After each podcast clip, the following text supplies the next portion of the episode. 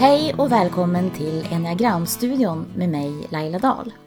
Här tar jag med dig på en resa genom enneagrammet. En kraftfull modell för personlig utveckling som hjälper dig lyfta fram dina bästa sidor och hantera dina akilleshälar. Jag är par och relationsterapeut och driver terapistudion i Huddinge sedan drygt 15 år. Sen föreläser och skriver jag, nu senast boken Dina känslor är inte i vägen, som kom ut i år.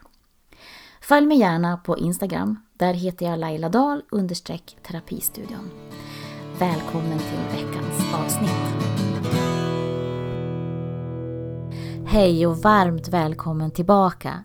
Idag ska vi köra ett eh, fråga-svar avsnitt. Och jag sitter här med en hög med frågor som har kommit in och jag ska göra det bästa jag kan för att försöka svara på dem. Men innan jag gör det så vill jag tacka er. Ett varmt tack för att ni finns här inne och lyssnar och prenumererar och skickar in frågor. Det känns väldigt roligt och inspirerande att det väcker intresse. Så, första frågan lyder så här. Vilken fråga är mest avgörande för vilken strategi som är min? Vilken fråga ger den bästa ledtråden om jag känner igen mig i flera? Och frågan kommer ifrån Ingela. Ja, Ingela, det är bra att titta på varför en siffra gör som den gör, tycker jag. Alltså, vad är motivationen bakom beteendet? Genom att ställa den frågan så får du lite sådär gratis, därför det är så grundläggande för varje strategi, motivationen. Likaså titta på rädslorna. Vad är det varje strategi är mest rädd för? Och eh, om jag tar ett par exempel då. Nian till exempel. Varför låter den alla andra bestämma eller gå före? Eh, varför verkar de inte alltid veta vad de vill? Det handlar om att nians motivation är att skapa eller behålla harmoni. Och allt som inte är anpassning kan ju gå emot den där harmonin eller skapa konflikter. Och därför anpassar man sig och försöker att inte rocka båten helt enkelt. Och åttan, varför måste den framhärda så starkt i en eh, diskussion eller argumentation till exempel? Ja, det handlar ju om att åttan har ett behov av att känna att de har kontroll, att ingen sätter sig på dem. Att det också är ett sätt att inte behöva visa sårbarhet.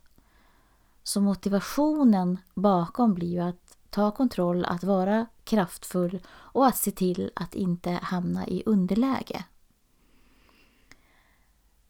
Trean. Varför vill den eh, prestera hela tiden eller vad är det som gör att den behöver vara så framgångsrik eller, eller framåt, åstadkomma så mycket? Ja, men det handlar ju om att de har med sig en föreställning om att det är när de presterar, när de gör bra ifrån sig, när de imponerar som de kan få kärlek eller erkännande.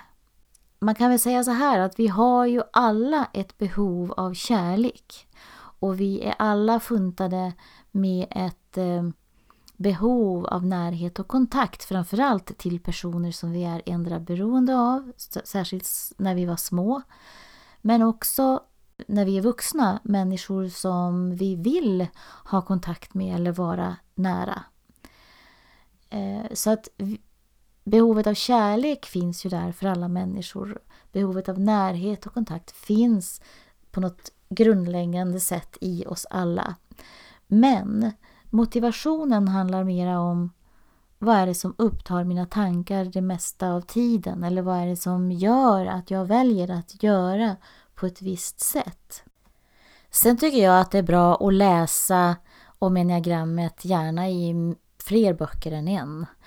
Eh, eftersom enneagrammet eller strategierna beskrivs lite olika i olika böcker. Och det kan vara så att du har lättare för att ta till dig din strategi när den beskrivs på ett speciellt sätt. Eh, så att eh, läsa om det lyssna på poddar och jag vill gärna rekommendera en annan svensk podd. Jag vet inte om det är den enda andra svenska podden men jag tror det. Eh, den heter Enagrampodden och det är eh, mina tidigare lärare Ann Tim och Tina Tunnell som har den podden. Och de intervjuar folk som har hittat sin strategi och beskriver också enneagrammet på olika sätt. Och de är jättebra och kan jättemycket om det här. De har också skrivit en bok som heter Självinsikt. Nyckeln till att utveckla dig själv och eh, andra. Och de jobbar med att utbilda coacher i enneagrammet men de jobbar också med eh, ja, ha kurser för, för människor som bara är eh, intresserade helt enkelt och vill veta mer om det. Jag tänker också att det finns test. Det finns test ute på nätet, både de som kostar pengar och de som inte kostar pengar. Du kan även göra ett test eh, via mig. Då du får ett samtal sen. Du gör först testet eh, på, på nätet och sen så får du ett samtal där jag går igenom ditt resultat tillsammans med dig över Facetime. Och det kostar pengar. Eh, men det kan det vara värt. Så det är också ett tips. Och eftersom den här frågan är en sån viktig fråga också, för ska man nu fördjupa sig i enagrammet så vill man ju naturligtvis veta vilken strategi man har. Eh, och därför så kommer jag att ägna nästa avsnitt, alltså innan jag går vidare med utvecklingsvägarna, till att göra ett eget avsnitt om just hur man hittar rätt. Så du kommer att få eh, några frågor som vi går igenom tillsammans och i slutet av det avsnittet så kommer du förmodligen att ha en liten indikation på vartåt det lutar i alla fall. Hoppas jag. Det får ni inte missa nästa avsnitt, alltså nästa vecka. Om ingenting alldeles särskilt händer som förhindrar det. Då tar vi nästa fråga hörni. Eh, och det är hur går man vidare med enneagrammet för att förstå och utvecklas? Frågar Ann-Louise. Ja, Eh, vi ska ju som sagt gå in på det lite mer i detalj. Så eh, jag kommer inte att svara så mycket på den frågan här idag. Men jag tänker att första steget är förstås att komma fram till vilken eller vilka strategier du främst känner igen dig i. Och sen titta närmare på stress och stödpunkt till att börja med. För där kommer du också att känna om du verkligen känner igen dig i det här. Och då kommer du också att få tips på vad det är du behöver utveckla och vilka mönster det är du behöver ta tag i och förändra. Man kan också säga att det är där du i stödpunkten som du hittar ett mer konstruktivt sätt att förhålla dig till din strategi och ditt sätt att vara. Nästa fråga lyder så här. Eh, nu ska vi se, måste jag titta lite i papperen. Ehm, vad finns det för dold yta som varje siffra brukar bli tacksam att få veta? Ja, det var en intressant fråga ifrån Eva. Ja, jag tänker så här att i början när man upptäcker eller känner igen sina utmaningar, alltså det där som vi snubblar på, det som man också ibland kallar för dödssynd eller, eller även våra akilleshälar, så kan man ju bli lite förtvivlad. Man vill ju inte vara det där. Man, man bara inser och måste erkänna för sig själv att ja, men så här är det ju faktiskt. Men när man då också sen inser att de sidorna, även de det vi tycker är negativa sidor, är ju positiva sidor eller kan bli positiva tillgångar när vi lär oss använda det här på rätt sätt. På ett mer konstruktivt sätt så att det inte blir destruktivt. Och det tycker jag att många uppskattar väldigt mycket. En annan sak som jag har märkt, det är lite detsamma som i terapi. När människor kommer i terapi och så beskriver de sitt liv eller sitt problem och så när de inser att när jag kanske säger att det här är ju inte konstigt alls att du upplever det så här och så pratar vi om det så den där befrielsen som kommer då att aha, så du menar att jag är normal? Eh, att det finns fler som känner så här. Och lite så, eller ganska mycket så skulle jag säga, är det också med enneagrammet när man hittar sin, hittar sin och känner sig mer hemma sen i sin strategi så kan man få den, den där känslan av att ah, vad skönt, då var det inte jag som var konstig. Det finns fler som tänker och gör och beter sig så här som jag gör. Nästa fråga är från Josefin och hon frågar så här. Hur vet man om man styrs från mage, känsla eller tanke? Ja, Josefin, den där kan vara lite lurig, håller jag med om. Men om du har din grundstrategi i det som kallas för känslocentret. Det finns tre olika centren, center. Det är känslocentret, tankecentret och magcentret eller den instinktiva intelligensen. Ehm, och om du har din grundstrategi i känslocentret så är du mer benägen att initialt respondera eller reagera utifrån dina känslor i olika situationer. Har du din grundstrategi i tankecentret så responderar du initialt utifrån din logik, alltså dina tankar. Och har du din grundstrategi i det instinktiva centret, alltså magcentret, så går du mer på magkänsla och responderar utifrån det. Och vi har alltså alla de här tre intelligenserna allihopa. Eh, och de är alla verksamma hela tiden och om vartannat. Men här får man fundera på vilken av de här du responderar på initialt. Till exempel om du får ett negativt överraskande besked. Vad är det som kommer först? Är du den som reagerar med att känna skam eller till exempel känna dig sårad? Du kanske börjar tänka, har jag gjort något fel? Kunde jag ha gjort annorlunda? Tycker personen inte om mig? Ja, men då är det känslocentret som pratar högst. Responderar du med att gå upp i tanken och börja planera eh, hur du ska hantera situationen? Vad är, det, vad är det som har hänt och hur ska jag hantera det här och vad är mitt nästa steg? Och det är liksom framåt. Ja, då är det tankecentret som tar störst plats initialt. Och är du den här som bara gör, som reagerar med att genast eh, skriva ett eh, sms utan att kanske egentligen varken tanka eller känna efter innan. Eller du slänger igen en dörr eller du tar bara bilen och sticker iväg eller... Ja, men då är det magkänslan som styr. Och eh, då är det magcentret som är din första, ditt första initiala center.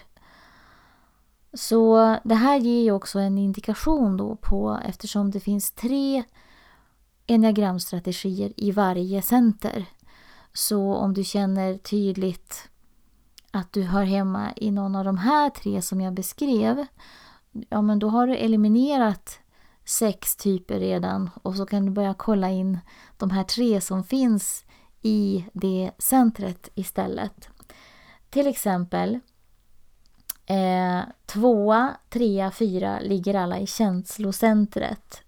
Men, de, eh, men det ser lite olika ut för de här tre.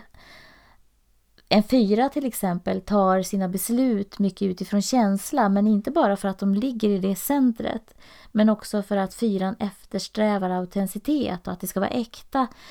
Så fyran väger ju in också eh, det, eller de tankarna i vad som känns mest äkta utifrån den de vill vara. Trean som också ligger i känslocentret eh, reagerar också med känsla men för den här personen är det viktigt att vara effektiv och nå sitt mål.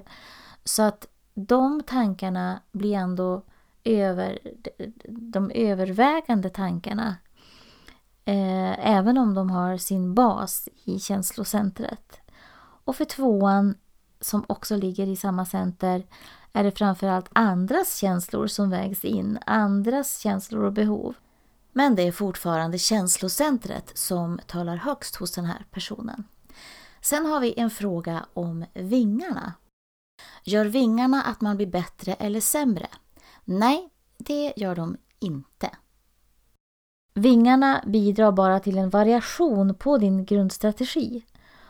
Eh, på gott och ont kan man säga. En etta med en niavinge till exempel blir en etta fast med lite mjukare kanter. Kanske en etta som inte måste ha rätt eller, eller tycker sig veta vad som är rätt och fel. Å andra sidan så kan den här ettan upplevas ännu mer envis därför att den då har nian som vinge och nian är väldigt envis när den väl har bestämt sig. Vingarna innebär ju också att du utvecklar, du, eller kan utveckla, eller har, har redan utvecklat kan det också vara, eh, andra sidor än, än de som är typ, mest typiska för din grundstrategi. Och jag tycker den här bilden av, eftersom man pratar om vingar så tycker jag den här bilden av en fågel där själva grundstrategin är fågelkroppen. Eh, det är en väldigt bra bild. Och om du då tänker att du använder en vinge, ja men då kan du flyga lite grann. Men använder du båda så kommer du högre och flyger bättre. Att vi har de här vingarna som vi mest behöver utifrån våra brister i grundstrategin. Så om vi säger till exempel trean som vill framåt, som vill prestera, som vill vara duktig och som ibland kan ha en tendens att bortse från både sina egna och andras känslor i sin framfart är det ju super när den personen kan ta till sig just tvåans egenskaper där, som handlar om att hjälpa andra och se andras behov. Att få en touch av det är ju superbra för en trea som annars kan bli lite egoistisk eller ego. Trean mår också bra av att utveckla fyra vingen då på andra sidan som handlar mer om kreativitet till exempel och äkthet kanske framför allt. Att, att inte spela ett spel, att inte vara kameleonten som vänder kappan efter vinden och, och, och försöker passa in i alla, alla läger och komma sig fram i alla läger utan snarare eh, söker äktheten och, eh, och djupet. Där skulle man kunna gå igenom alla siffrorna och prata om vinsten av vingarna för varje typ. Men det har jag ju redan gjort i de här tidigare avsnitten så är du nyfiken på det så tycker jag du ska lyssna på de strategier som du, eh, som du är mest nyfiken på. En annan fråga som har kommit in är Jag undrar om det finns evidens på detta, någon vetenskap eller var kommer teorierna och faktan ifrån? Och är det något man kan använda till exempel i psykologiundervisning om personlighet på gymnasiet? Och det är Anna som har skickat in frågan. Ja, enneagrammet validerades 2004 av SHL i England som är världsledande inom arbetslivstester. Och nu läser jag till här. Efter ett års test av oberoende forskare validerades enneagrammets nio typer på samma nivå som Myers-Briggs, Big Five och andra erkända psykologiska system. Men teorin bakom enneagrammet går långt tillbaks, ända tillbaka till gammal grekisk visdom och i kombination då med modern psykologi. Så från någonstans på mitten, mitten av 1900-talet så börjar den utvecklas till den modell eller den psykologiska modell som används idag. Och som svar på din fråga så ja, den används av både psykologer, coacher, organisationskonsulter, pastorer, präster, terapeuter, lärare och i olika utbildningar. Bland annat så lärs det ut på Stanford Universitys ledarskapskurser och på flera universitet i Europa, i USA och i Sydamerika. För några år sedan så boomade enneagrammet, inte minst inom kyrkan i USA, när en författare som också är känd låtskrivare, psykoterapeut eh, och lite allt möjligt gav ut en bok om det. Och nu finns enneagrammet med i flera utbildningar för personer med yrken relaterade till ledarskap eller till exempel själavård eller terapi i USA, i Kanada, Australien. Även i Danmark är enneagrammet stort och erkänt på bred nivå. Nästa fråga handlar om stress. Hur hanterar olika siffror stress? Och frågan kommer från Eva. Ja, i de tidigare avsnitten så går jag ju igenom hur de olika siffrorna reagerar på stress när de går till sin så kallade stresspunkt. Så gå gärna tillbaka och lyssna igen. Men jag kan ju förklara att med stresspunkten menas att när respektive siffra hamnar i stress så reagerar och agerar den mer som en annan siffra i enneagrammet. Den siffran som då är hens stresspunkt. Så till exempel när femman, utforskaren, blir stressad så går den från att vara, som femman ofta är, lugn och lite reserverad till att visa lite av sjuans sätt att vara lite mer rastlös eller kanske till och med hyperaktiv.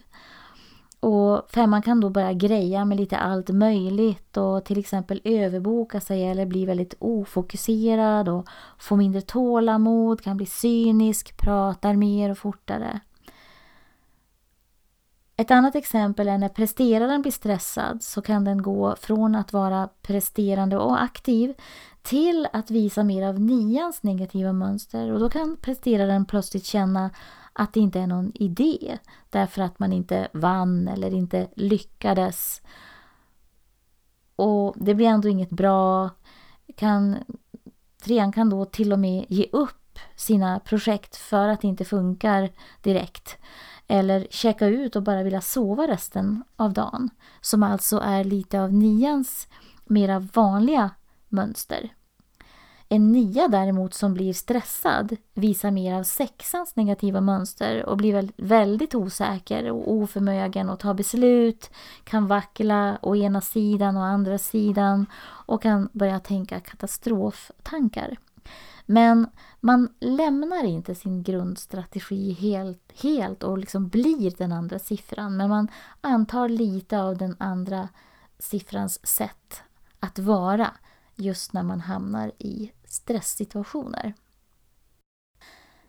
Det var alla frågorna som jag hinner med idag. Om du har nya frågor, fler frågor eller du kommer på frågor framöver så fortsätt skicka in dem så kanske det blir något fråga-svar avsnitt igen lite längre fram. Och missa inte nu nästa vecka. För då kommer jag att göra ett eh, litet frågeformulär med dig. Så plocka fram papper och penna och var beredd. Och i bästa fall så kanske du i slutet av det avsnittet kommer att ha en liten indikation eller en lite närmare bättre bild av vilken strategi som kan vara din grundstrategi. Eh, låt oss hoppas på det i alla fall. Så ta hand om dig och vi hörs igen. Ha det gott!